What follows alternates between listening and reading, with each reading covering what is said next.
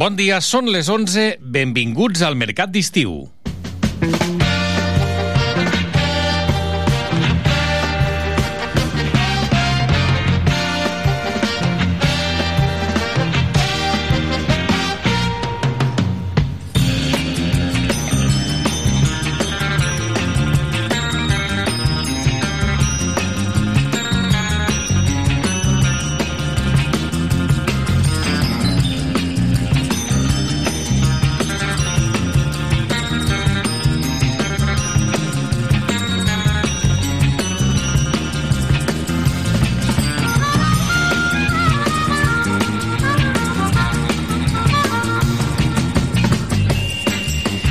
Mirem termòmetres i alegrem-nos una mica, que marquen només 27 graus ara mateix a l'exterior dels eh, estudis de Tarragona Ràdio. Doncs són uns quants menys que la jornada d'ahir. Tot i així, la calor tampoc és que ens abandoni, el que passa que estàvem en temperatures tan altes que la baixada no es notarà tant, tot i que sí que les temperatures màximes baixen avui en diferents punts de les nostre, del nostre territori, doncs eh, en alguns punts prop de 5 graus fins i tot. Eh? Ara mateix, com us deia, 27 graus de temperatura a l'exterior dels estudis de Tarragona Ràdio, amb previsió de vent, així que hem d'estar alerta. Recordin que tenim activada aquesta uh, fase 3, aquest nivell 3 del pla alfa. N'hem parlat i en continuarem parlant. I també doncs, uh, la, el risc elevat d'incendis, a banda de les restriccions d'aigua que ja afecten alguns punts de la demarcació. De fet, de moment, dos municipis eh, derivats d'aquestes restriccions que ha marcat l'Agència Catalana de l'Aigua al pantà de Riu de Canyes. De tot això n'intentarem parlar avui al programa i també de les mesures que l'Ajuntament de Tarragona anunciava ahir i ha d'aprovar avui, han de passar avui per aquest plenari urgent i extraordinari que seguirem en directe també a la sintonia de Tarragona Ràdio i de fet doncs, eh, deixaran aprovades aquestes mesures que, entre d'altres, marquen la llargada d'una hora al servei de socorrisme a les platges de Tarragona de 7 de la tarda a 8, a banda de més informació en cartelleria, un reforç de la megafonia, ho tornarem a explicar aquest matí. Ja som dijous, 3 d'agost del 2022. Això és el Mercat d'Estiu. A la part tècnica hi ha ara mateix Joan Maria Bertran i qui us parla, el Miquel González.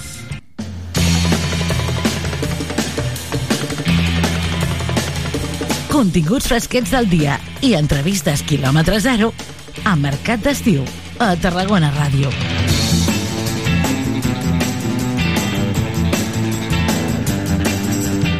Més tard anirem cap a la platja perquè volem seguir també com van evolucionant aquestes mesures i quina és la situació a les platges de Tarragona, però abans ens hem d'aturar al sector turístic de la Costa Daurada. Preveuen assolir ocupacions entre el, 90, entre el 85%, el 90% d'ocupacions estem parlant del mes d'agost, després d'un juliol que consideren atípic, amb menys reserves respecte l'any passat, i en aquest context doncs, la Federació Empresarial d'Hostaleria i Turisme, la demarcació de Tarragona, descarta, òbviament, penjar el cartell de complet enguany, a diferència del que sí que van fer en anteriors eh, campanyes. Com ho justifiquen? Doncs per la davallada de, de turistes de públic francès, belga, amb la climatologia i l'economia també com a factors clau a l'hora de trobar destinació. En parlarem de tot plegat amb la presidenta d'aquest uh, organisme de la Federació Empresarial d'Hostaleria i Turisme a la demarcació, la Berta Cabré.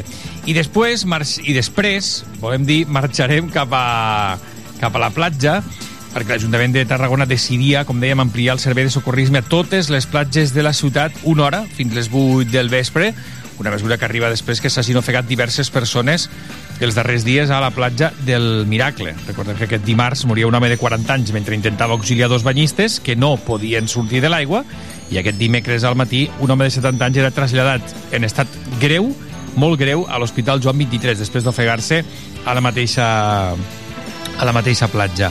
Això eh, ha fet que l'Ajuntament doncs, respongui i de fet anirem cap a, cap a la platja amb el company Josep Sunyer, també per parlar amb la gent de Creu Roja del Mar. Després ens anirem a ballar. Del 3 al 6 d'agost, el Palau Firali de Congressos és la seu del campionat All Dance Europe, en el que hi participen més de 1.200 persones inscrites de diferents nacionalitats, entre, entre els que hi ha participants eh, de set acadèmies espanyoles. En parlarem d'aquest certamen que acull el Palau de Congressos també avui, a partir d'avui vaja, i fins el dia 6 eh, d'agost.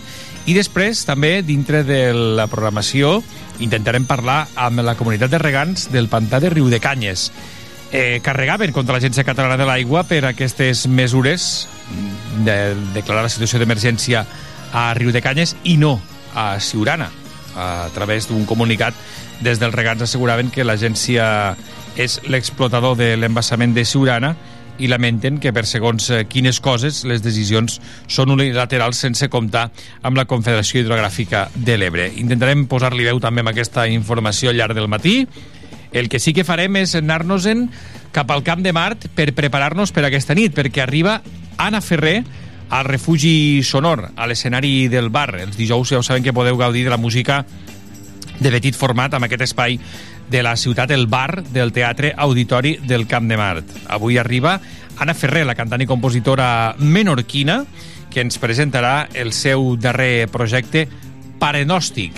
Això serà avui mateix, es va estrenar al setembre del 2021 i avui arribarà a Tarragona, aquesta mateixa nit, com dèiem, al bar del Camp de Mar a partir de dos quarts de deu de la nit.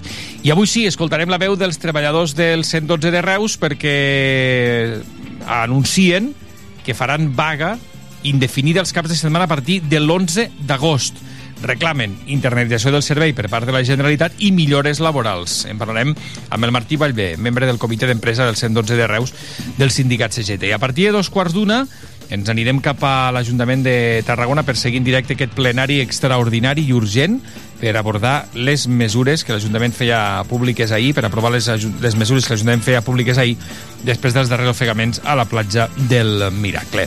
Aquests seran els continguts que us servirem avui dintre del menú del Mercat d'Estiu, avui que, com dèiem, és dijous, dia 3 d'agost.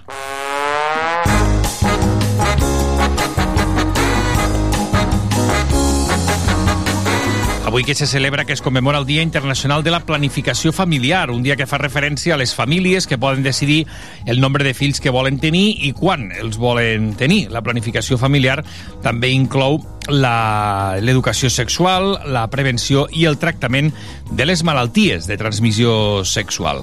Per tant, doncs, l'assessorament durant l'embaràs i els tractaments d'infertilitat també s'inclouen dins d'aquesta planificació familiar que avui se'n celebra aquest dia internacional.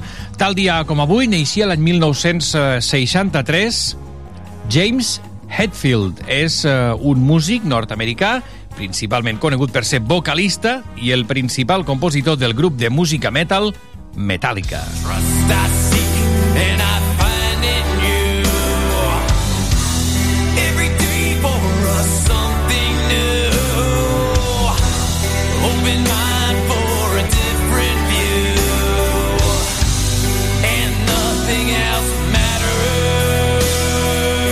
ens anirem d'un extrem a un altre, perquè tal dia com avui, ja l'any 1944, compliria anys si no ens hagués deixat l'any 1973 després d'un accident de cotxe, el cantant Nino Bravo. Mi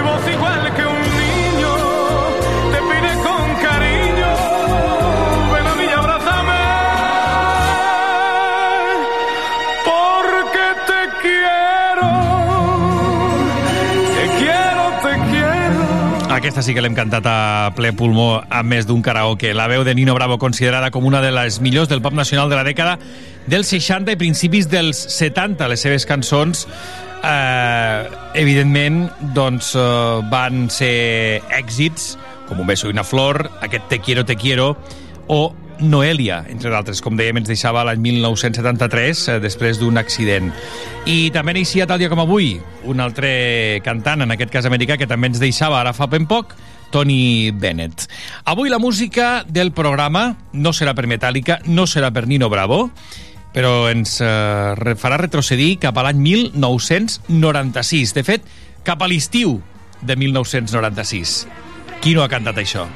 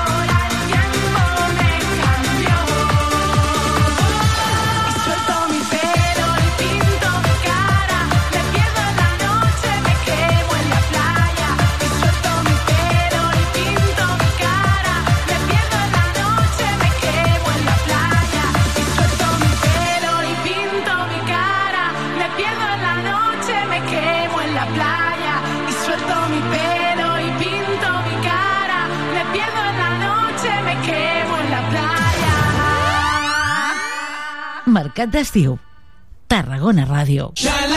Este verano estés donde estés, encontrarás un supermercado Spar cerca de ti. Descubre todas las ofertas que tenemos preparadas para que disfrutes de los mejores precios. Encontrarás un gran surtido de productos frescos, helados, bebidas refrescantes, protección solar. Todos ellos de primeras marcas del mercado, además de nuestra marca propia, Spar. Ven a conocernos. En Spar te lo ponemos muy fácil. Sabies que aquest estiu es preveuen nits molt agradables al Festival Camp de Mar de Tarragona? Fins al 4 d'agost tens unes cites espectaculars. Dijous, concerts de petit format. Divendres, circ i cinema gratuïts. I també concerts amb Marala, Ginestar, Mariona Escoda, Frank Schubert amb Marina Rossell, Lil Dami i Julieta i molts més. Que no t'ho expliquin. Consulta-ho tot a cultura.tarragona.cat. Ajuntament de Tarragona de tot el món. El que més m'agrada és que també hi visquis tu. I Segueix la pretemporada del Nàstic a Tarragona Ràdio. Aquest dissabte a les 8 del vespre, segon partit amistós de l'estiu. Des del nou estadi Costa Daurada, Nàstic Real Zaragoza. Tarragona Ràdio t'ho explicarà des d'un quart d'hora abans del partit. Recorda, aquest dissabte, a 3 quarts de 8 del vespre, Nàstic Zaragoza.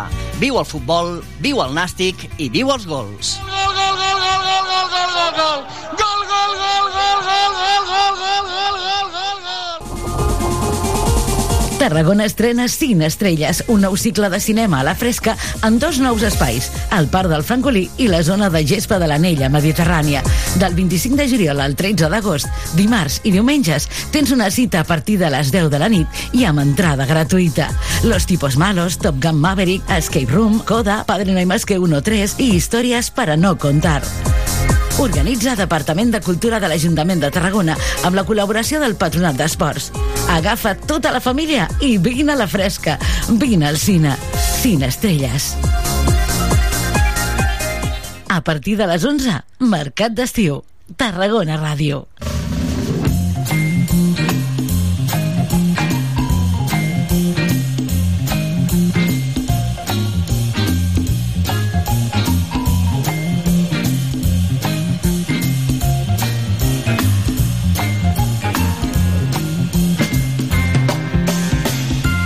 La sintonia de Tarragona Ràdio és moment de parlar del turisme, fer una mica de balanç de com està funcionant l'estiu i quines són les previsions. Saludem a través del telèfon la presidenta de la Federació d'Hostaleria i Turisme a la demarcació de Tarragona, la senyora Berta Cabré. Senyora Cabré, molt bon dia.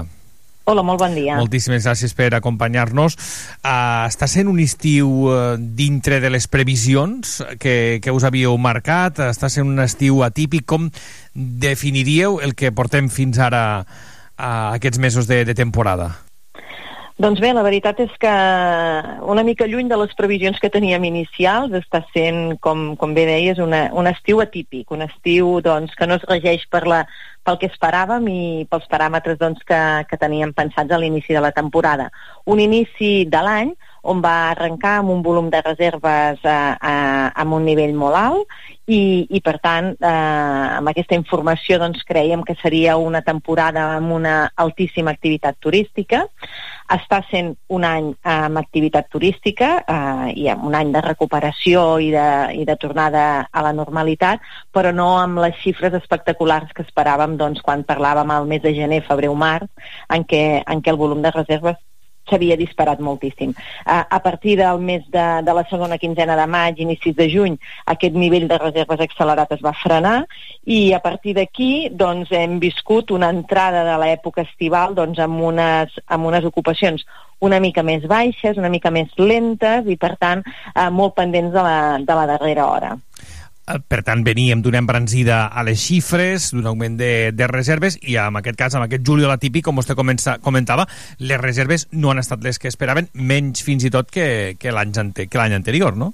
Bé, ens situem a, a una miqueta al voltant de l'any anterior. Mm, El que passa que esperàvem un creixement perquè veníem amb un, amb un ritme molt accelerat i, i per tant, ens pensàvem que, que la temporada seria doncs, espectacular. No? Serà una bona temporada, pensem al final, un bon any, eh, però no un any excepcional com, com inicialment doncs, eh, havíem pensat. Mhm. Eh, ens, falta, ens falta client internacional. Pen, hem de pensar que tenim un, un mercat, que és el mercat rus, que, que era el tercer mercat internacional a la demarcació de Tarragona, el 13% de les pernoctacions venien del mercat rus, i aquest eh, mercat ha desaparegut. Eh, no hem estat capaços de suplir-lo amb un nou mercat, ni tampoc d'aconseguir les pernoctacions que genera aquest mercat en els mercats ja consolidats a la Costa Daurada i a les Terres de l'Ebre, com pot ser el mercat britànic, el mercat francès, el belga o l'holandès, que són mercats doncs, que per excel·lència ens visiten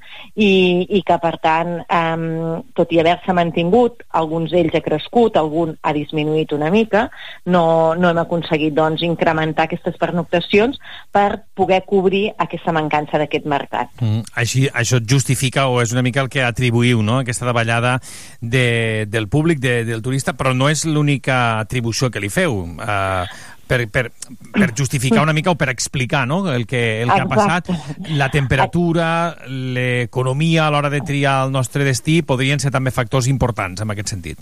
Exacte, la indústria turística no és una indústria fàcil, eh, som complexos i, i per tant no és una variable única la que explica doncs, eh, el comportament del que està passant, sinó diversos factors, no? i apuntaves molt bé, la, la climatologia n'és un d'ells, ha fet molt bon clima a centre Europa i això també ha fet que els visitants internacionals doncs, eh, evitin eh, realitzar més quilòmetres del necessari per trobar aquest bon temps i, i per tant doncs, eh, ja, ja es deixa encarar a, a casa seva.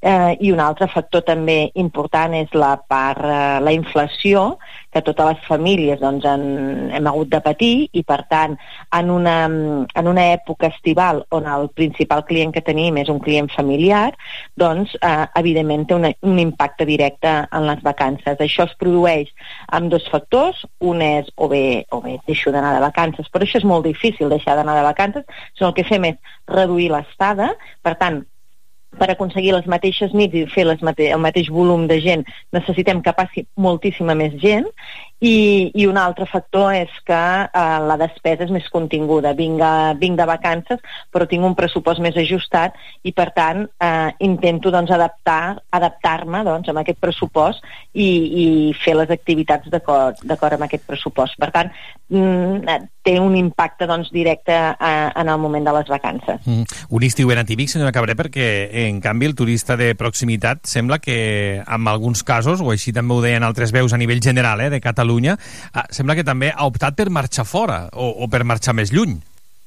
Bé, eh, clar, hem de pensar que és el primer any de la recuperació Clar. del Covid, no? És el primer any que, n- que no hi ha hagut restriccions, perquè l'any passat, a l'inici de l'any, encara n'hi havia, i, i per tant va ser just arrencada la temporada d'estiu que vam començar a no tenir restriccions, i ni que sembla que faci molt, doncs no és el primer any, i, i per tant és normal que, que aquell que no ha pogut viatjar o que no ha pogut sortir per, per, per aquestes raons, doncs intenti eh, fer una escapada doncs, a, a un, en, un, en un vol doncs, més internacional, en unes vacances més internacionals, al client de la vora. No obstant això, hem de dir que, que el, durant la pandèmia sí que vam tindre un creixement de mercat de proximitat i entenem mercat de proximitat per aquest mercat català o de la resta de l'estat espanyol, principalment doncs, tot aquest que fa eh, de la Conca de l'Ebre, no? Um, i i aquest client que ens ha conegut i que, i que o ens coneixia, ens ha redescobert, o bé no ens coneixia, ens ha conegut, sí que hem aconseguit fidelitzar-lo una mica més i per tant tenim un creixement eh, de, de mercat, d'una estabilitat, diguem-ho, de mercat eh, de proximitat eh, en, en conjunt. Eh? Si ens ho mirem en perspectiva de l'any, segurament doncs, serà un mercat que el tindrem amb una, amb una certa eh, estabilitat eh, un cop l'hem conegut. No? I per tant això sí que ens ha donat unes possibilitats doncs, de poder poder aconseguir al final de l'any eh, turístic, perquè al final hem de recordar que la Costa Daurada i les Terres de l'Ebre és una destinació de 365 dies de l'any i per tant eh, la nostra activitat acabarà doncs, quan acabi l'any eh, per fer la valoració final. Eh, podrem, pensem que, que serà un mercat doncs, que mantindrà unes xifres d'ocupació bones. Les previsions quines són de cara al mes d'agost? Ah, clar, acabem de començar, evidentment portem tres dies d'aquest mes d'agost, eh, però, però què, es, què es preveu? Perquè ja descartàveu, eh, en altre, com en altres temporades, eh, com havia passat en altres temporades, enguany ja es descartava tancar o penjar cartells de complet, senyora Cabré. Sí, a veure, el, el ple absolut el descartem, eh, no, és una, no és un any eh, per, per poder penjar cartells de, de ple absolut i, i, i per tant d'ocupacions al 100%, però sí que és veritat que ens centrem en el mes de l'any amb més activitat turística, eh, és el mes de l'any eh, de les vacances eh, de forma més generalitzada i per tant sí que tenim un, un increment de, de visitants, estimem que estarem rondant el 90% d'ocupació, 90 podríem arribar en pics de 95% i per tant les xifres eh, també són bones, però per tant en mitja ens situarem al voltant d'aquest 90 eh, que ens ajudarà doncs també a aconseguir eh, a que l'any doncs, acabi, sent, doncs, acabi sent un any digne. Tampoc no, no, hem, de, no hem de dir que, les, uh -huh. que tindrem un mal any, sinó que al final eh, potser la nostra percepció doncs, és diferent perquè veníem d'una arrencada molt bona al començament d'any, però les xifres tampoc seran dolentes i, i per tant podem eh, tancar un bon any. Hem de dir que, que aquest mes d'agost eh, estem recuperant alguns dels mercats internacionals, com pot ser el mercat holandès, que ha retardat una mica les seves vacances aquest any. Això depèn de l'any, és un mercat que va fluctuant perquè les vacances es van movent, no sempre són eh, estables en, en les diferents regions, i per tant també hem tingut una, una entrada de mercat holandès una mica més tardana, eh, hem tingut creixement en mercat irlandès, que són eh, dos, és una bona, una bona notícia, tenim una certa estabilitat en mercat britànic i un mercat francès que va fluctuant i depèn de la zona i depèn de, del moment doncs eh, va lleugerament per sobre o lleugerament per sota.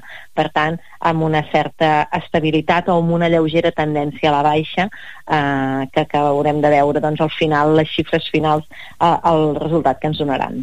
Esperem doncs, que la tardor vagi, vagi millor que l'estiu o potser es vagin recuperant. El que no sé si canviarà molt és el tema de les reserves, perquè vivim en un punt, eh, pel que explicàveu també en altres eh, entrevistes, amb reserves amb molta antelació i d'altres, en canvi, per exemple, d'última hora. Exacte, això sí que és un element que hem notat eh, diferenciador. Tenim un client molt polaritzat en el moment de reservar perquè ha reservat o molt aviat, que d'aquí a les nostres expectatives, o ha estat reservant molt a última hora. I quan parlem de molt a última hora estem parlant de, de 48 hores abans de l'estada i per tant eh, això ens fa mm, difícil preveure el que ens acabarà passant no? i hem d'estar una mica doncs bé, eh, adaptant-nos. Som un sector que, que hem après a adaptar-nos moltíssim i per tant tenim un marge d'adaptació i els nostres professionals del sector turístic doncs eh, han de treballar també eh, d'aquesta forma, que no és la millor manera perquè a tothom li agrada tenir unes previsions i una certa estabilitat del que passarà i per tant et pots organitzar millor però mm, bé, ens adaptem a, al que vingui i per tant benvingut sigui esperem doncs encara gaudir doncs d'aquest eh, client de darrera hora i per tant que aquestes pernoctacions vagin a l'alça, que tinguem molts visitants i com molt bé deies, la temporada no acaba l'estiu,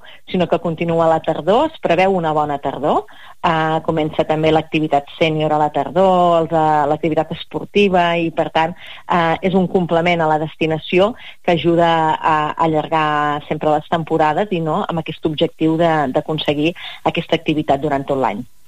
Doncs aquestes són les previsions i el balanç. N'anirem estant eh, al cas. Gràcies per atendre'ns a senyora Berta Cabré, presidenta de la Federació d'Hostaleria i Turisme de la demarcació de Tarragona. Moltíssimes gràcies i que passin també molt bon estiu.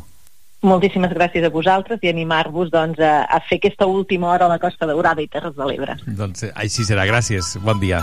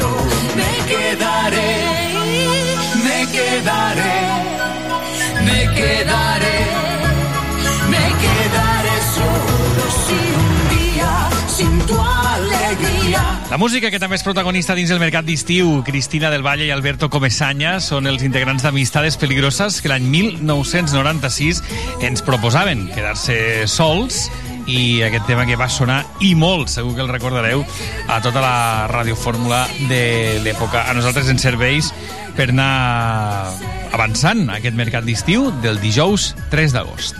quedaré solo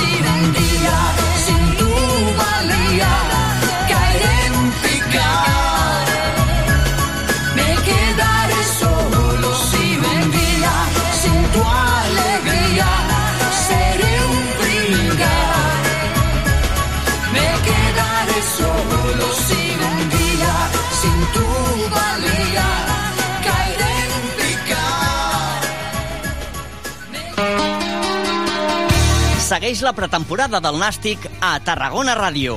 Aquest dissabte a les 8 del vespre, segon partit amistós de l'estiu. Des del nou estadi Costa Daurada, Nàstic Real Zaragoza. Tarragona Ràdio t'ho explicarà des d'un quart d'hora abans del partit. Recorda, aquest dissabte, a 3 quarts de 8 del vespre, Nàstic Zaragoza. Viu el futbol, viu el Nàstic i viu els gols. Gol, gol, gol, gol, gol, gol, gol, gol, gol. Gol, gol, gol,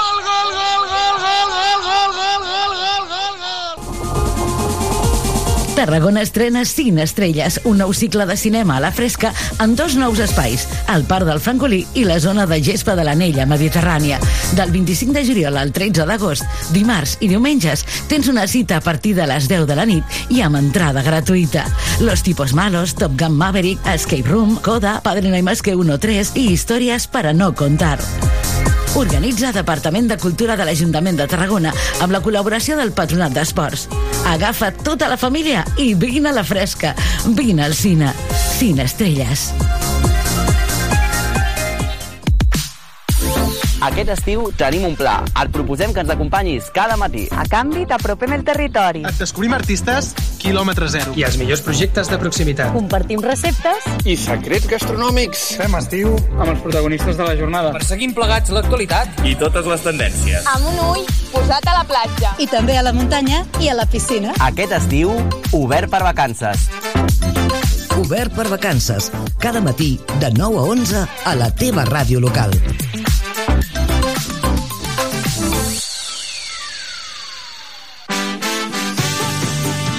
Tarragona Ràdio som 40.000 oients.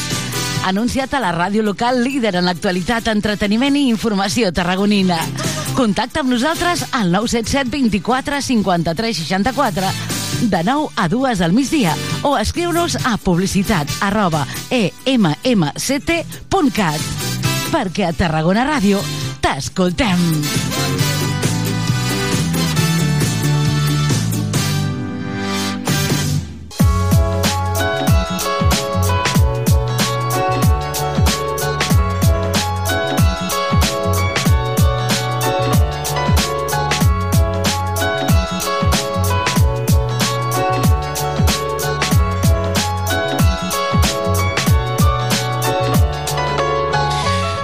L'Ajuntament de Tarragona explicava ahir que duran a terme diverses eh, mesures, com ampliar el servei de socorrisme a totes les platges de la ciutat una hora, fins les 8 del vespre, després que s'hagin ofegat diverses persones els últims dies a la platja del Miracle. Dimarts, per exemple, o ahir al matí, un traslladat greu a l'Hospital Joan 23. En aquell moment, però, no estava actiu el, el servei de socorrisme quan va passar això. El dispositiu de l'Ajuntament també preveu entre altres mesures, instal·lar cartells informatius a totes les platges sobre el significat i els perills que suposen els diferents colors de les banderes i també intensificar la informació a través de megafonia, missatges de veu informant del perill de mala mar tant en català com en castellà com en anglès i també es proposa emetre avisos quan hi hagi bandera groga. De fet, cap a la platja hi ha anat el nostre company Josep Sunyer per parlar amb els eh, qui més a prop hi són d'aquests casos, que són els eh, socorristes del Servei de Creu Roja de Platges a Tarragona. Josep Sunyer. Què tal? Doncs sí, bon dia, Miquel. Hem vingut avui a la, a la platja precisament de, del Miracle, en el dia doncs, que celebra aquest plenari per tal doncs, ja d'aprovar aquesta ampliació de, de l'horari a nivell de, dels socorristes de, de les platges de la nostra ciutat. I aquí ens acompanya el coordinador territorial de, de platges de Creu Roja, l'Aleix eh, Font, amb qui podem parlar precisament des d'aquesta platja, on malauradament on eh, s'han registrat els ofegaments en aquesta temporada. Aleix, què tal? Bon dia. Hola, bon dia. Bé, agraït per l'espai per, per poder comentar el tema. Ara estem, estem veient la platja i, de fet, mira, no sé, ara, ara mateix, eh, per exemple, estava mirant quina bandera està onejant aquí a, al Miracle. No sé si, de fet, si la groga, eh? Bandera groga, sí. Bandera groga. I això ja és important i un primer missatge important. En cas de que uneixi bandera groga, eh, hi ha certes restriccions que la gent hauria de saber, tot i que vosaltres no podeu, evidentment, fer fort la gent que ara està a la platja, no? Exacte, al final la bandera groga eh, sempre ha sigut una bandera restrictiva, encara que a nivell social poder s'ha pres com una bandera verda amb una miqueta de perill, realment la bandera groga és, és algo important. Nosaltres si la posem és perquè l'estat del vent no és el correcte, l'estat de la mar no és el correcte, o perquè simplement creiem que, que la ciutadania ha de saber que en aquell punt és complicat banyar-s'hi. Això és un de, dels aspectes que cal eh, tenir present eh, venim d'on venim, no? El fet de que es tingui, i és un missatge també important, eh, eh, doncs eh, que es faci cas en definitiva eh, els que esteu aquí a peu de platja, no? que són els que en sabeu, Creu Roja, els socorristes, amb aquests aspectes són molts altres, no?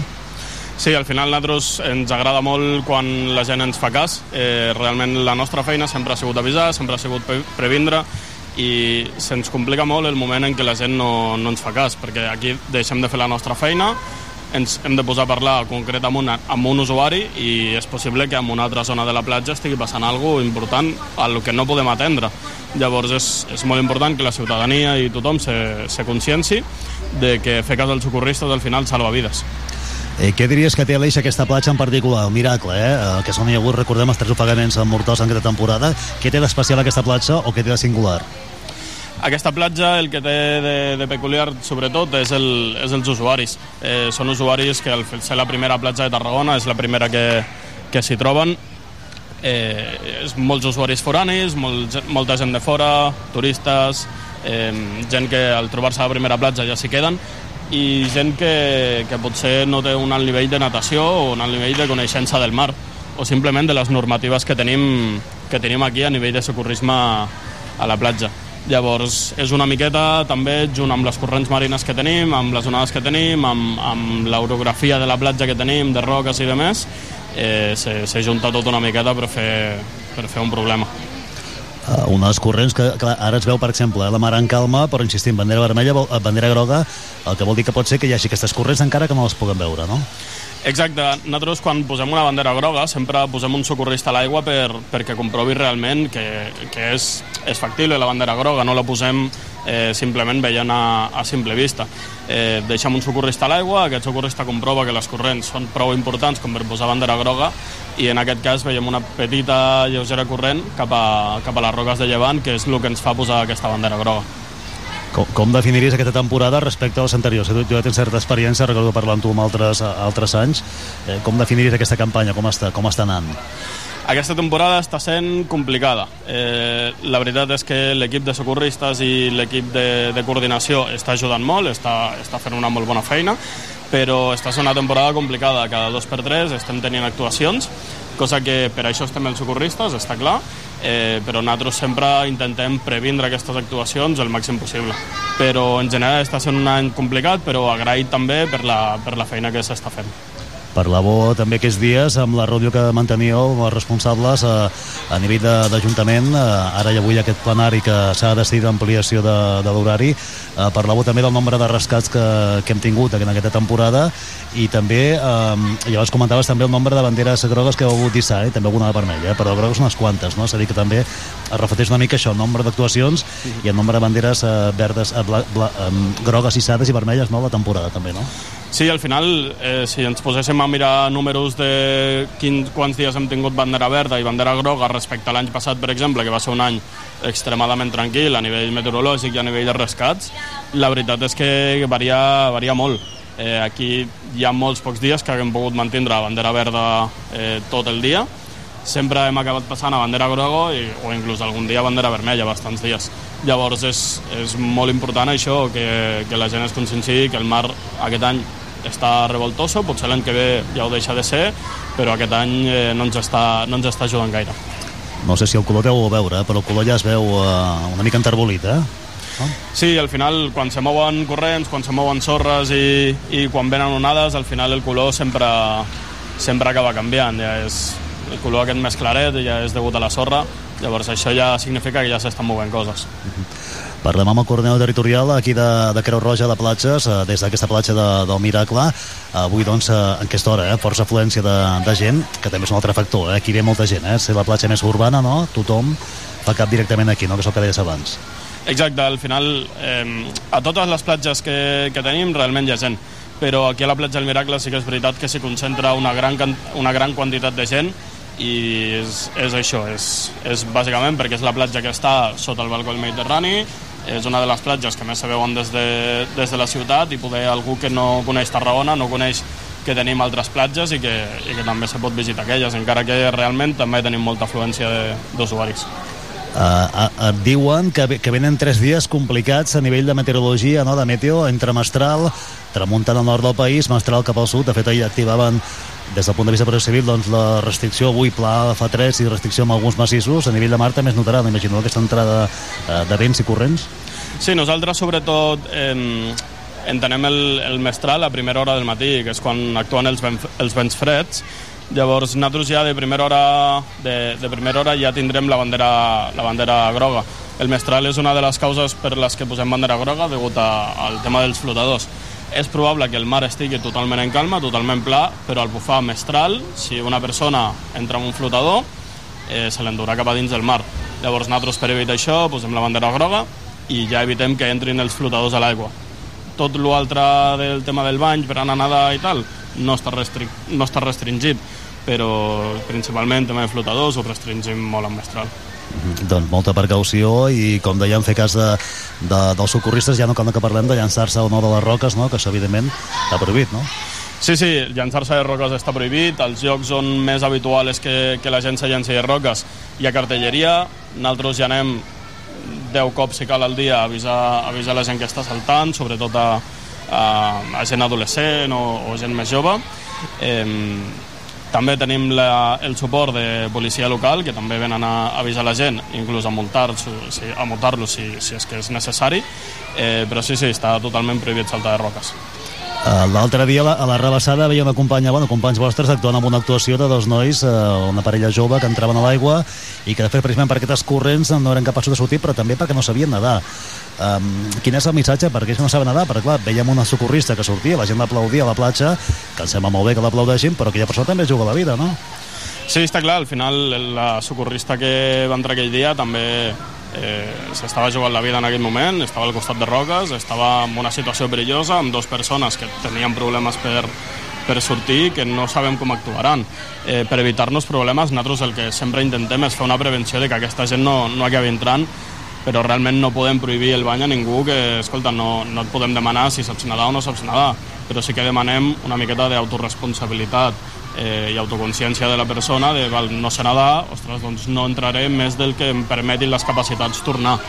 Això és algo que poder el primer cop no ho sabem, però ara que tenim un, un petit susto ja, ja ho podem controlar una mica. Nosaltres el que demanem és, és responsabilitat de, de cada persona. Eh, I evidentment no jugar-se-la quan ja no hi sou a la platja. Ara s'ampliarà aquest horari, eh, després en parlem, eh, d'això de com s'heu de, clar, de, de reorganitzar una miqueta per poder arribar fins a les 8. Eh, però clar, evidentment, quan no hi ha la vigilància, quan s'acaba el torn de vigilància, doncs que no siguin tan agosarats, no?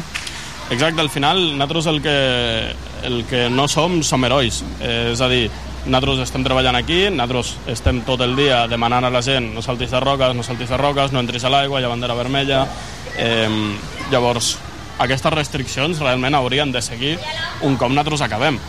Passa que ja no estem nosaltres per donar-les. Passa que llavors la gent ha d'agafar una miqueta de consciència de dir, val, no estan els socorristes, tiro dos passes cap endarrere.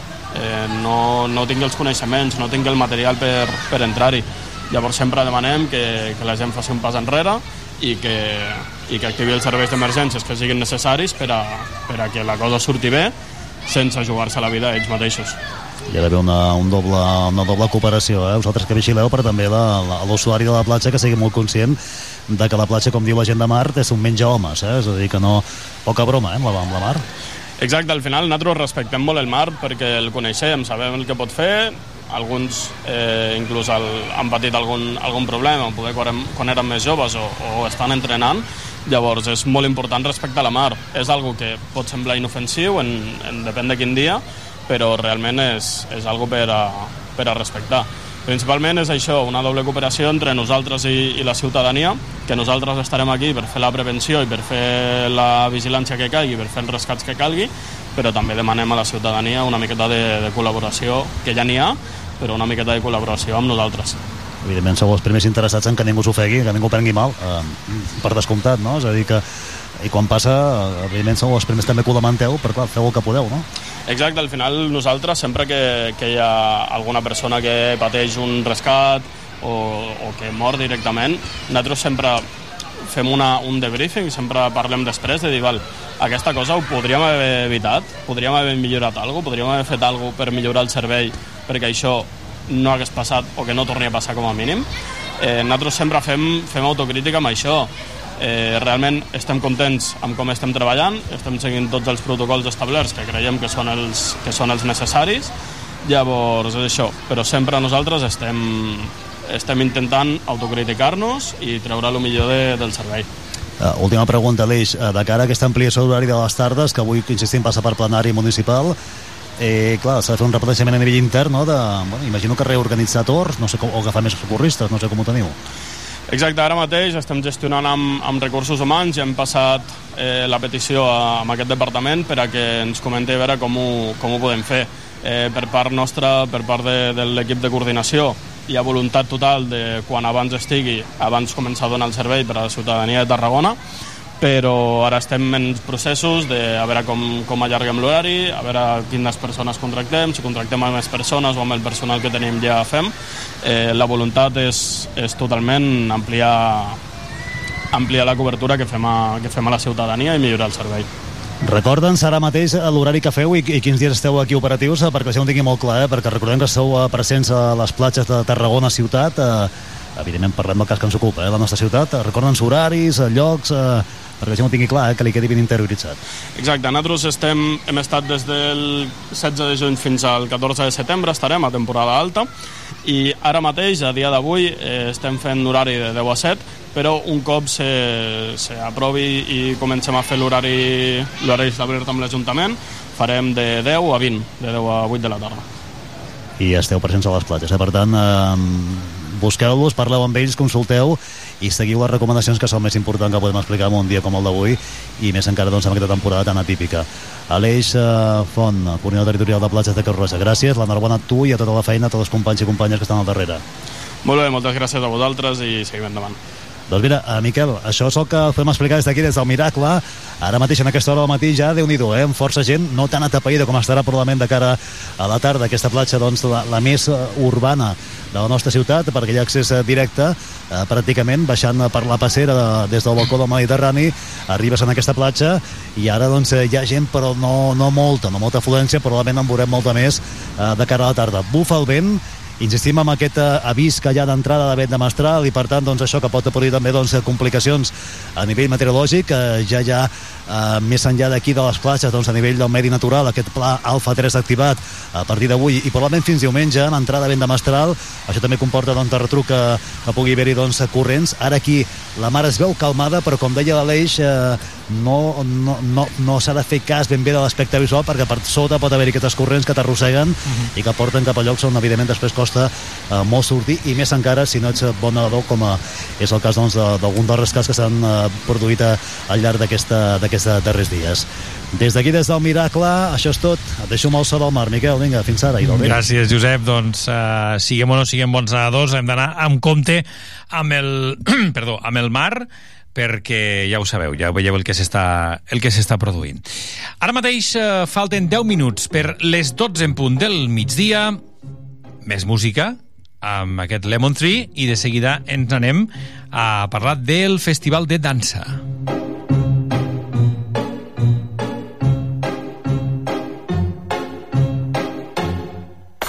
I'm sitting here in the boring room. It's just another rainy Sunday afternoon. I'm wasting my time, I got nothing to do. I'm hanging around, I'm waiting for you, but nothing ever happens. And I wonder. I'm driving around in my car. I'm driving too fast, I'm driving too far. I'd like to change my point of view. I feel so lonely, I'm waiting for you, but nothing ever happens. And I wonder. I wonder how, I wonder why. Yesterday you told me about the blue, blue sky, and all that I just a yellow lemon tree. I'm turning my head up and down. I'm turning, turning, turning, turning, turning around, and all that I can see is just another lemon tree.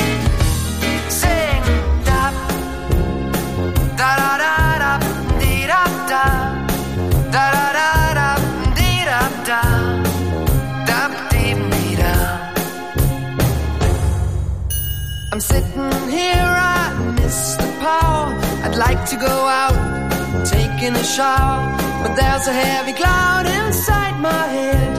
I feel so tired, put myself into bed. Well, nothing ever happens, and I wonder.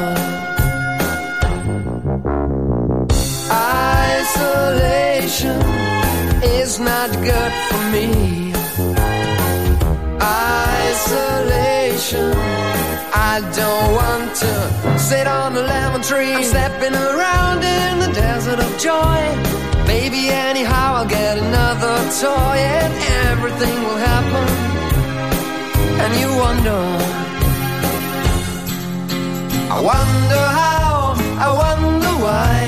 Yesterday you told me about the blue, blue sky, and all that I can see is just another lemon tree.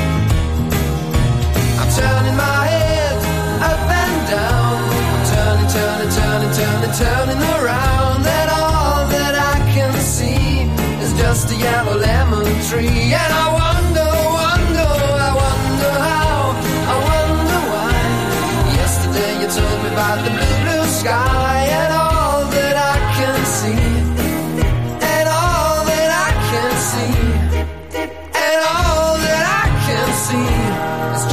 yellow lemon tree.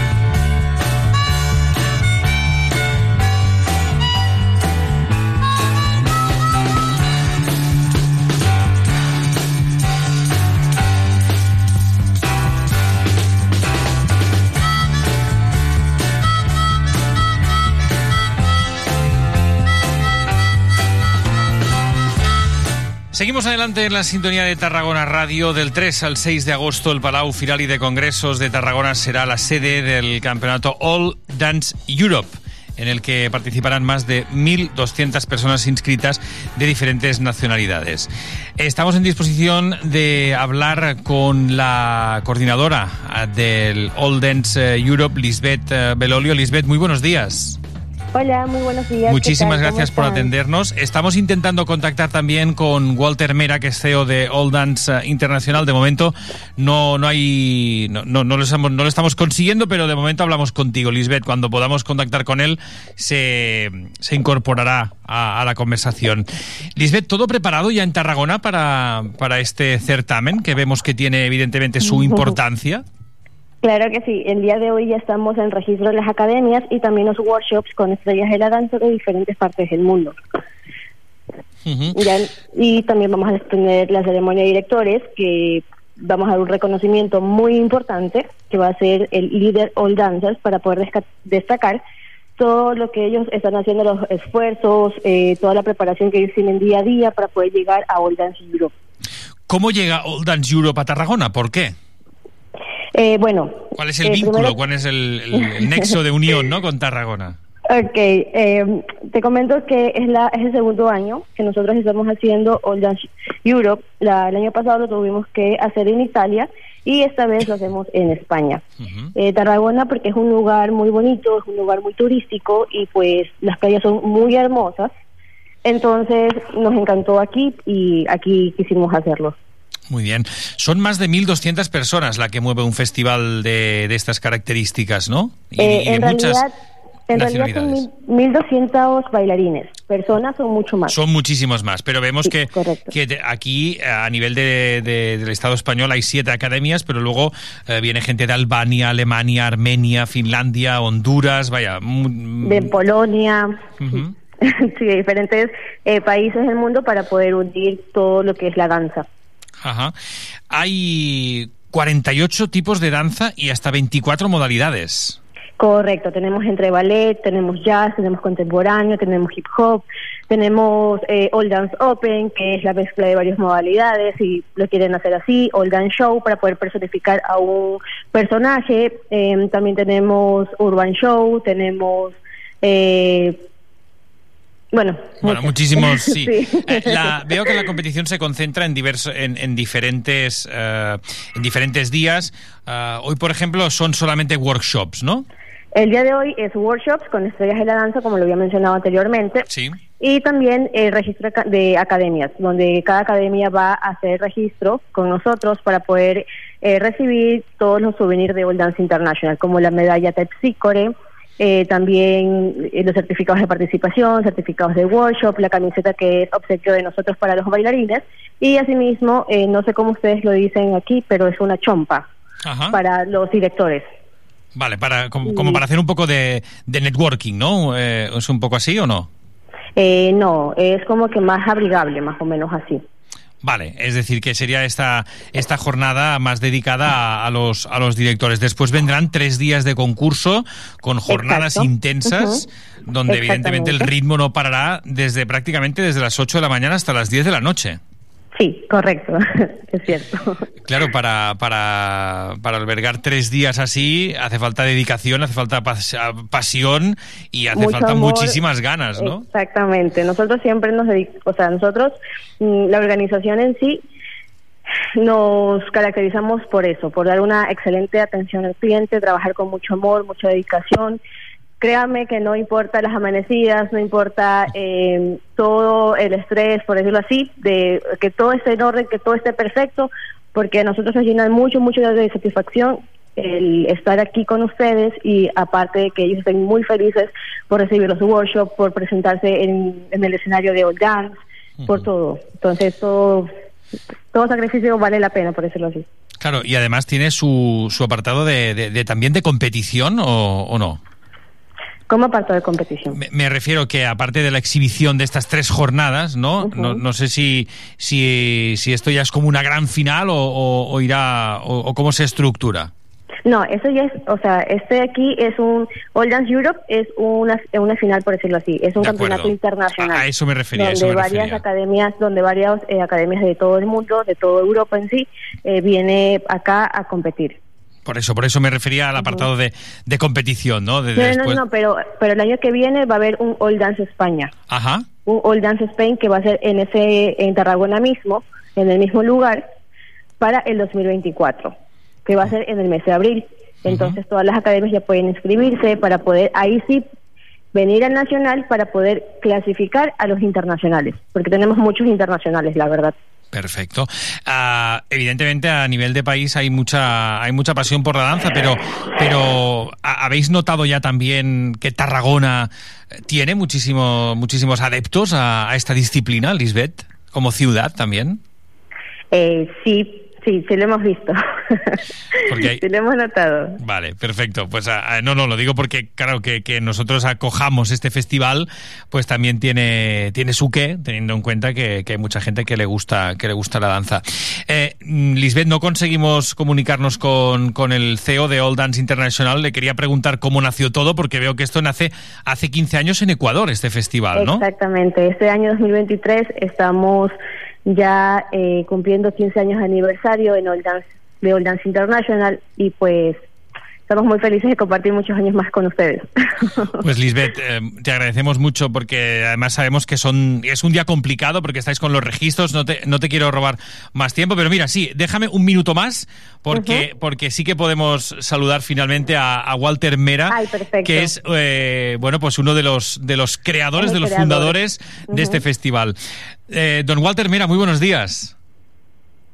¿Qué tal? Buenos días, ¿cómo están? Muchísimas gracias. Para todo Ya- Tarragona y España entero. Ya pensábamos que no, que no sería posible la comunicación, pero finalmente sí. Lisbeth nos ha contado ya cómo irá eh, este festival en Tarragona, cómo se estructurará. Eh, cuéntenos usted cómo nació todo hace 15 años, porque esto viene de, de Ecuador, ni más ni menos. Ya, nosotros somos ecuatorianos, pero la empresa eh, se crea en Estados Unidos y es el mundial de danza más grande del mundo. Somos la competencia oficial de danza del mundo y estamos en casi en todos los continentes, en muchos países. Eh, América Latina totalmente, estamos en Europa, estamos también en Asia. Y el campeonato que se está dando en este momento es el campeonato All Dance Europa, donde participan eh, aproximadamente 15 países de Europa. Es el segundo campeonato eh, europeo que hacemos. Eh, nosotros estamos, a pesar de la pandemia, continuamos en pie. Somos el campeonato que siguió haciendo campeonatos eh, de manera online, a pesar de todo lo que sucedió. Ustedes saben que fue una situación muy golpeante en el mundo, empresas grandes que tienen que ver con lo nuestro y el turismo, como las aerolíneas cayeron, los hoteles cayeron, los alquileres de carro, pero nosotros, sin embargo, creímos en el espíritu de la gente que está en la danza y, y aquí estamos ahora continuando con los campeonatos. Eh, el espíritu de Europa y de los bailarines europeos es impresionante. Un talento sin igual. Han sido campeones también. Portugal fue campeón en el evento mundial, en el campeonato mundial en Orlando. Y eso es lo que te puedo ir adelantando. Sí, Vamos sí. conversando y tú me vas preguntando Sí, también. sí, claro, por supuesto. Eh, hablaba hablaba del talento de esas personas, talento que también llega hasta Tarragona, y de hecho se lo preguntaba también a Lisbeth eh, el, el hecho de haber escogido o de haber aterrizado en Tarragona, ¿no? Para, para que acoja esta, este, este campeonato. Eh, bueno, pues nosotros estamos muy contentos, pero le preguntaba a Lisbeth también un poquito el porqué, ¿no, Walter, de, de, que, de que el festival haya, haya ido a, a parar a Tarragona. Bueno, Tarragona es una ciudad muy linda, tiene un clima espectacular para la temporada, para toda la gente de Europa, entonces eso fue muy adecuado.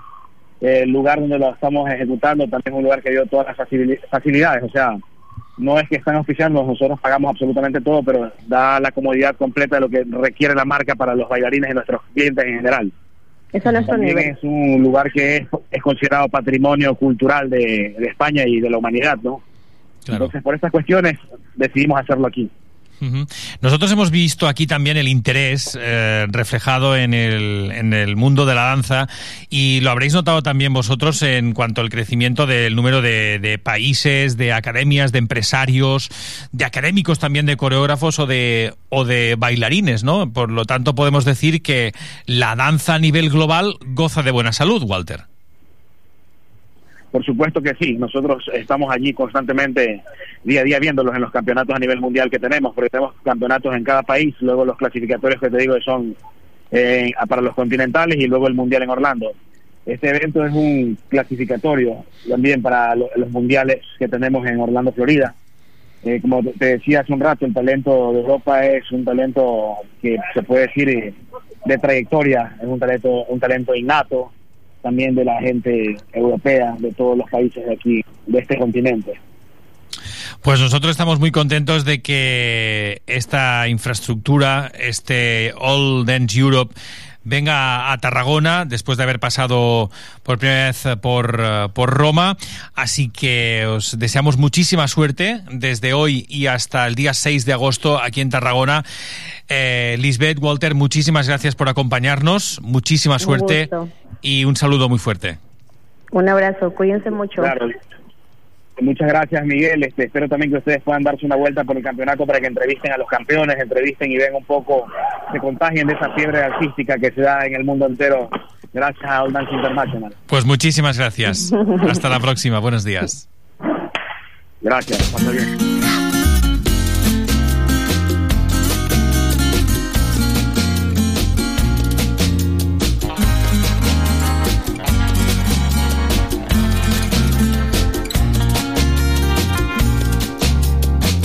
El talismán de tu piel me ha dicho que soy la reina de tus caprichos. Yo soy el as de los corazones que se pasean en tus tentaciones. El talismán de tu piel me cuenta que en tu montura caerán las riendas. Cuando una noche de amor desesperados caigamos juntos y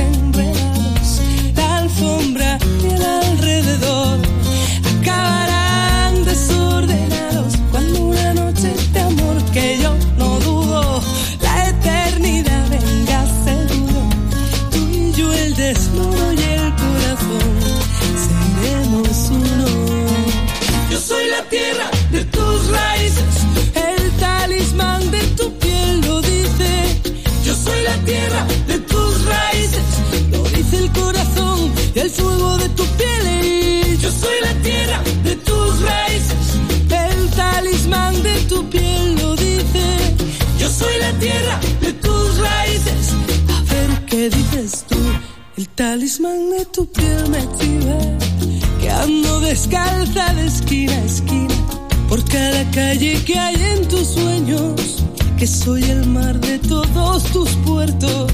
El talismán de tu piel me cuenta que tu destino caerá a mi puerta. Cuando una noche de amor desesperados caigamos juntos y enredados,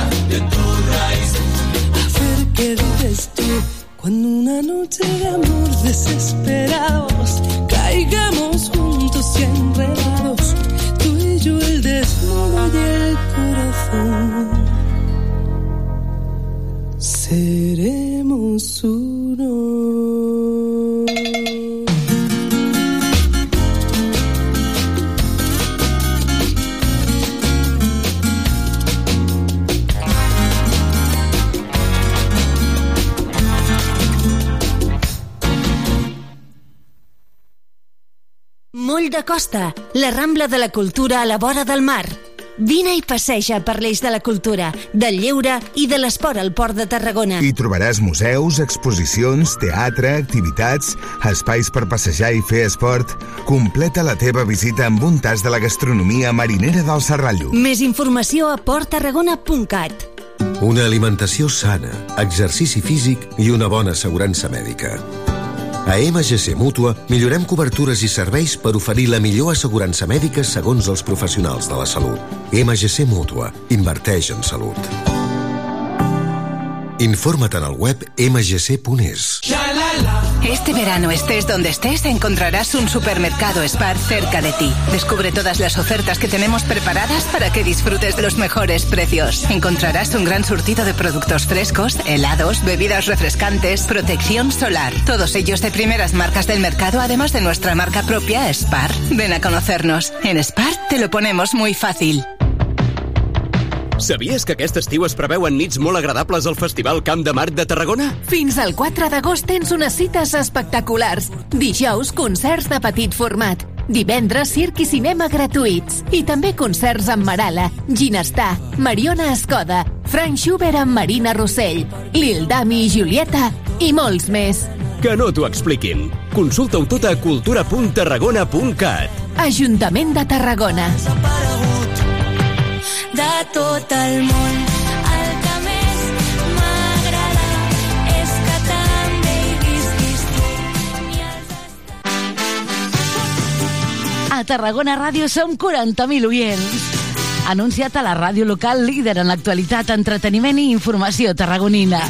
Contacta amb nosaltres al 977 24 53 64 de 9 a 2 al migdia o escriu-nos a publicitat arroba emmct.cat perquè a Tarragona Ràdio t'escoltem.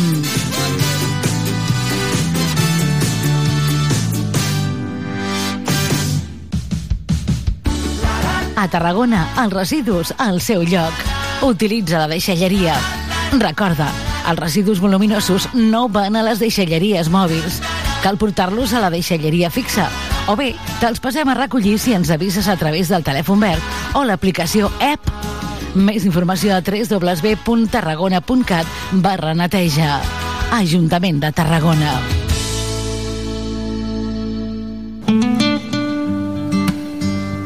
Gaudeix de l'estiu en els restaurants i l'espa que ofereix vora el mar l'Hotel Le Meridien Ra. Descobreix la millor gastronomia mediterrània al restaurant La Terrassa del Mar o les tapes marineres i fresques al Beach Club a peu de platja. A més, relaxa cos i ment a l'Explore Spa de l'Hotel Le Meridien Ra del Passeig Marítim del Vendrell. Reserva trucant al 977 69 42 00 i viu l'estiu a l'Hotel Le Meridien Ra.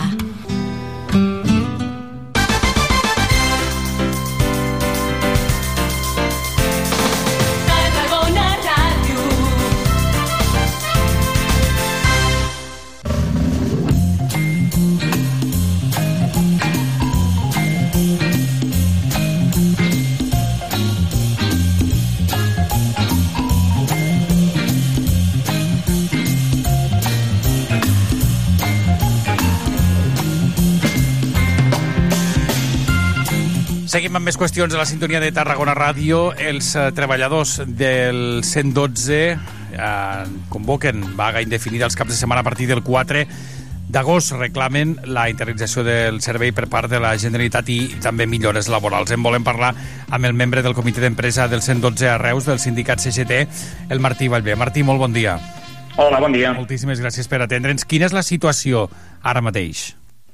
Mira, el que reclamem als treballadors és que bàsicament volem millorar les condicions laborals per millorar el servei, perquè actualment hi ha unes 12.000 trucades al dia i se'n perden unes 50. Per tant, reclamem que aquí hi ha una sobrecàrrega de treball perquè falten treballadors. Una de les altres reclamacions que tenim, per exemple, és que els sous són insuficients o estem inscrits dins d'un conveni de telemàrqueting que no recull, diguéssim, la problemàtica de les emergències, que és la nostra verdadera feina.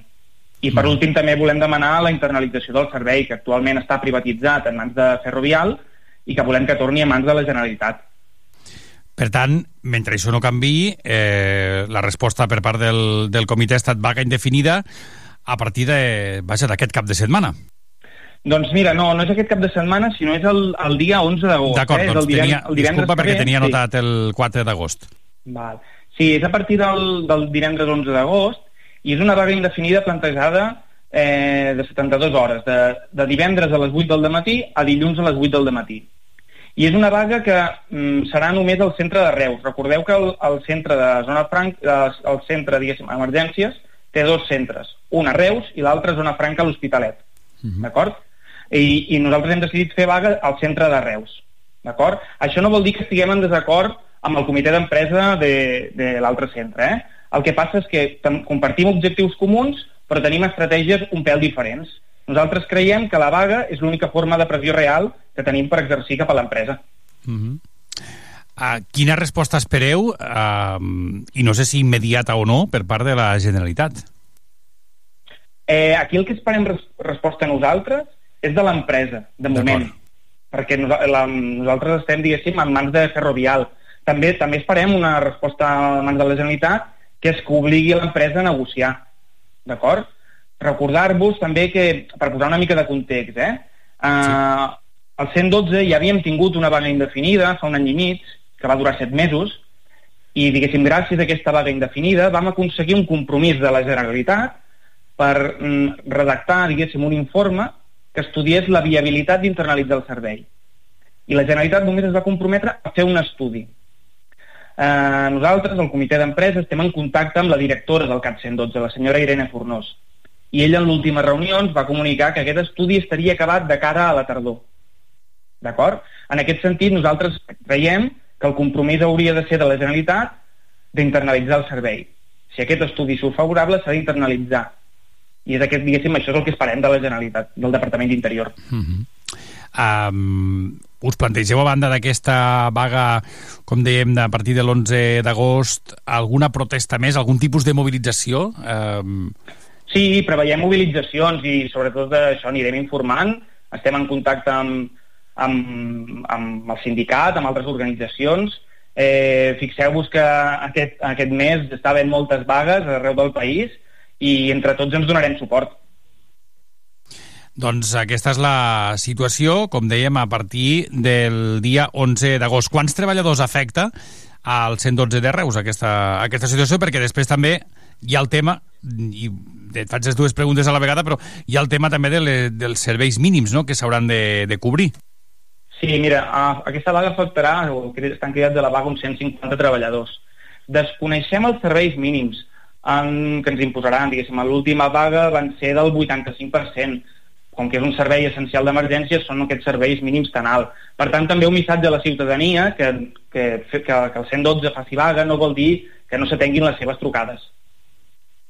Clar, això que quedi clar també per si, perquè no, amb, tot, amb tot moment es garanteix el, el servei, però evidentment hi ha aquestes protestes, com ens explicaves, doncs, per reclamar la internalització de la interna, perdó, la in, ja ho diré bé, la internalització del servei i també les eh, millores laborals que, que comentàvem. Doncs Martí, no sé si hem de saber alguna cosa més sobre la qüestió. No, mira, recordar finalment que, que ara mateix Ferrovial té la concessió d'aquest servei d'emergències del 112, però se li acaba el contracte al, al març del 2024. I aquest contracte és prorrogable dos anys més, d'acord? I nosaltres creiem, diguéssim, que la Generalitat no hauria ja de prorrogar aquest contracte, perquè aquesta empresa ferrovial, com bé recordeu, eh, és una empresa que s'ha traslladat la seva seu als Països Baixos per pagar menys impostos, que el propietari és el Rafael eh, del Pino Calvo Sotelo, el tercer home més ric de- d'Espanya, i creiem que una empresa d'aquest tipus eh, que el que vol és el màxim benefici i, i, i no invertir en el servei, no hauria de portar un servei essencial com el de les emergències. Doncs Martí Vallvé, moltíssimes gràcies per atendre'ns, per posar-nos en situació. Membre del Gràcies comitè d'empresa del 112 de Reus del sindicat CGT. Gràcies. Molt bé, adéu, bon dia. Molt bon dia.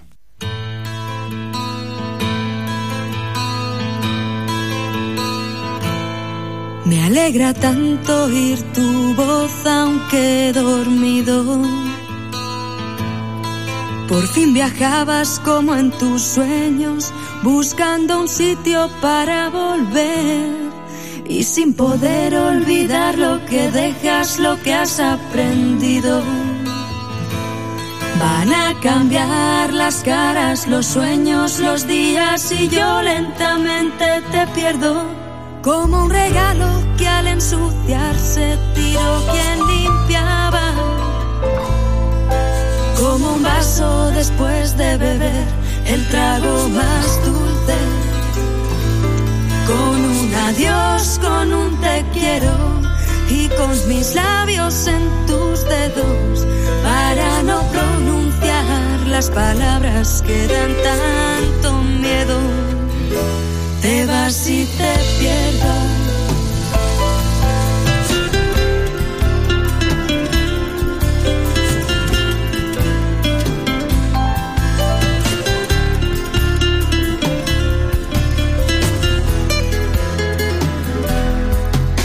Alegra tanto escuchar tus promesas mientras te alejas.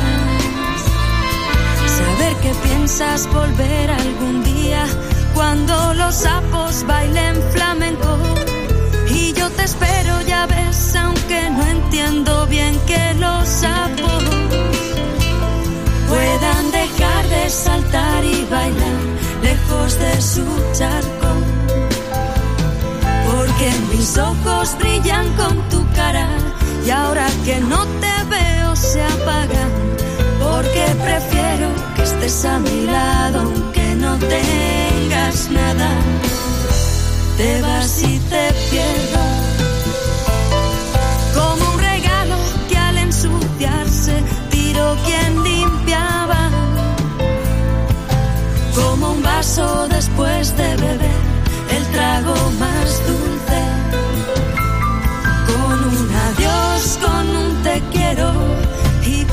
Labios en tus dedos para no pronunciar las palabras que dan tanto miedo. Te vas y te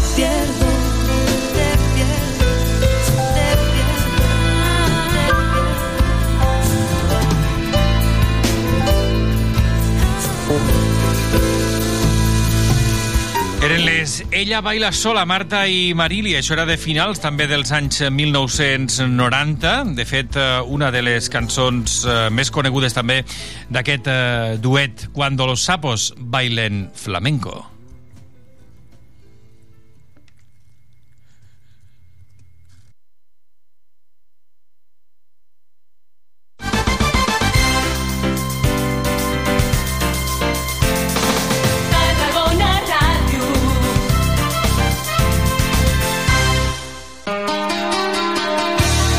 La pretemporada del Nàstic a Tarragona Ràdio. Aquest dissabte a les 8 del vespre, segon partit amistós de l'estiu. Des del nou estadi Costa Daurada, Nàstic Real Zaragoza. Tarragona Ràdio t'ho explicarà des d'un quart d'hora abans del partit. Recorda, aquest dissabte a 3 quarts de 8 del vespre, Nàstic Zaragoza. Viu el futbol, viu el Nàstic i viu els gols.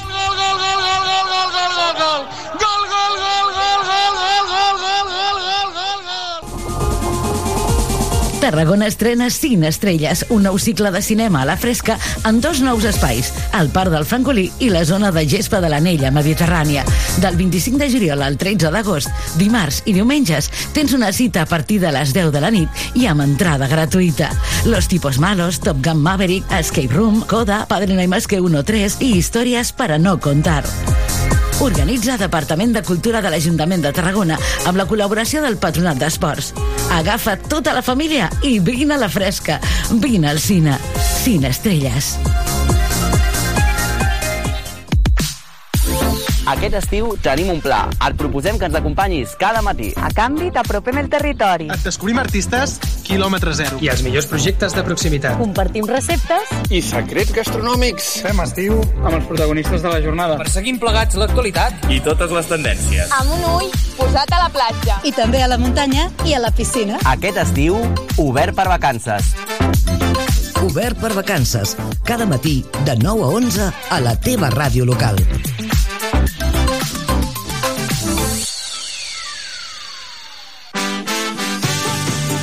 A Tarragona Ràdio som 40.000 oients. Anunciat a la ràdio local líder en l'actualitat, entreteniment i informació tarragonina. Contacta amb nosaltres al 977 24 53 64 de 9 a 2 al migdia o escriu-nos a publicitat arroba emmct.cat perquè a Tarragona Ràdio t'escoltem.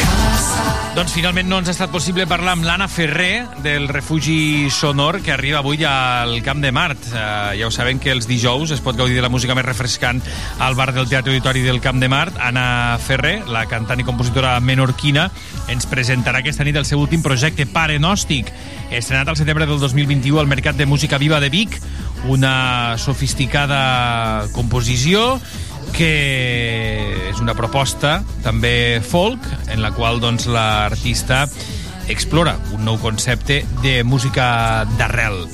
Uh, Ferrer estava, pel que ens han explicat, eh, estava doncs, venint cap aquí amb avió. Imaginem que no ha estat possible aquesta comunicació, però vaja, que és una de les programacions de les que podem gaudir aquests dies al Festival del Teatre Auditori del Camp de Mart. Aquesta mateixa nit, ja ho saben, a dos quarts de deu, entrades puntarragona.cat i les taquilles del Teatre Tarragona, allà podeu comprar les entrades si voleu anar a gaudir d'aquest projecte. I nosaltres anirem tancant programa. Ho farem amb aquesta cançó, Sea Vida E, What's uh, the Way Life It, uh, un senzill del duet britànic uh, Pet Shop Boys, que es va llançar l'any 1996.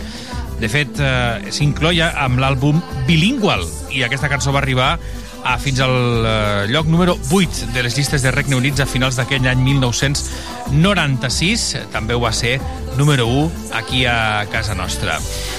Uh, un videoclip, per cert, que va estar gravat en un parc aquàtic d'Orlando, a Florida, segur que ho, que ho recorden. Avui tornem a escoltar aquesta cançó que ens servirà per anar tancant el programa d'avui, abans, això sí, d'anar cap al plenari. De seguida hi anem. Esa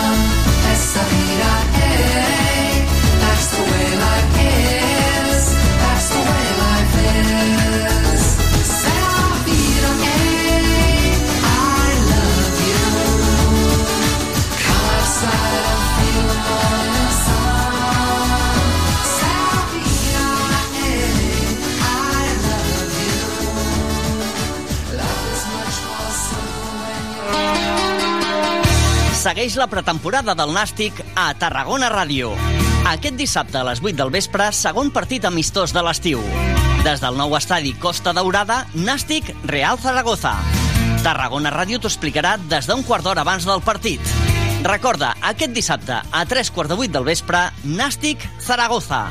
Viu el futbol, viu el Nàstic i viu els gols.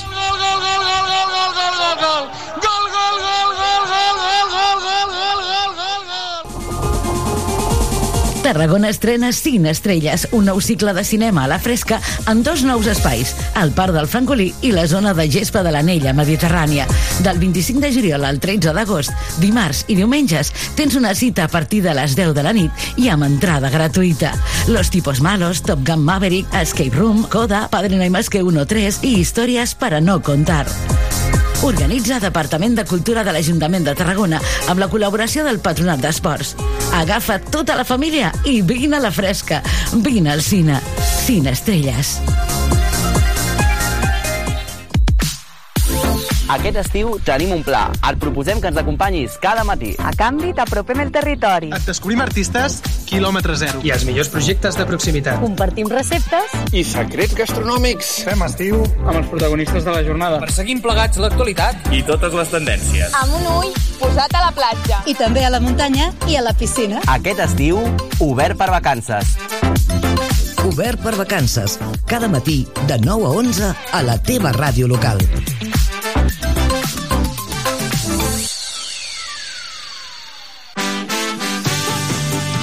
Tarragona Ràdio som 40.000 oients. Anunciat a la ràdio local líder en l'actualitat, entreteniment i informació tarragonina. Contacta amb nosaltres al 977 24 53 64 de 9 a 2 al migdia o escriu-nos a publicitat arroba emmct.cat perquè a Tarragona Ràdio t'escoltem.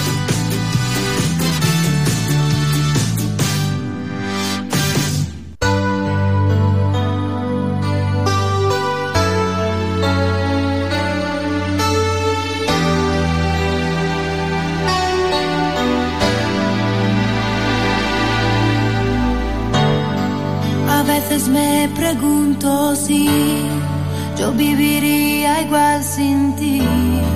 No sé si yo sabré olvidarte. Y en un instante puedo ver que tú eres cuanto yo soñé, inolvidable para mí. Me pareció otra historia que tiempo se llevó con él.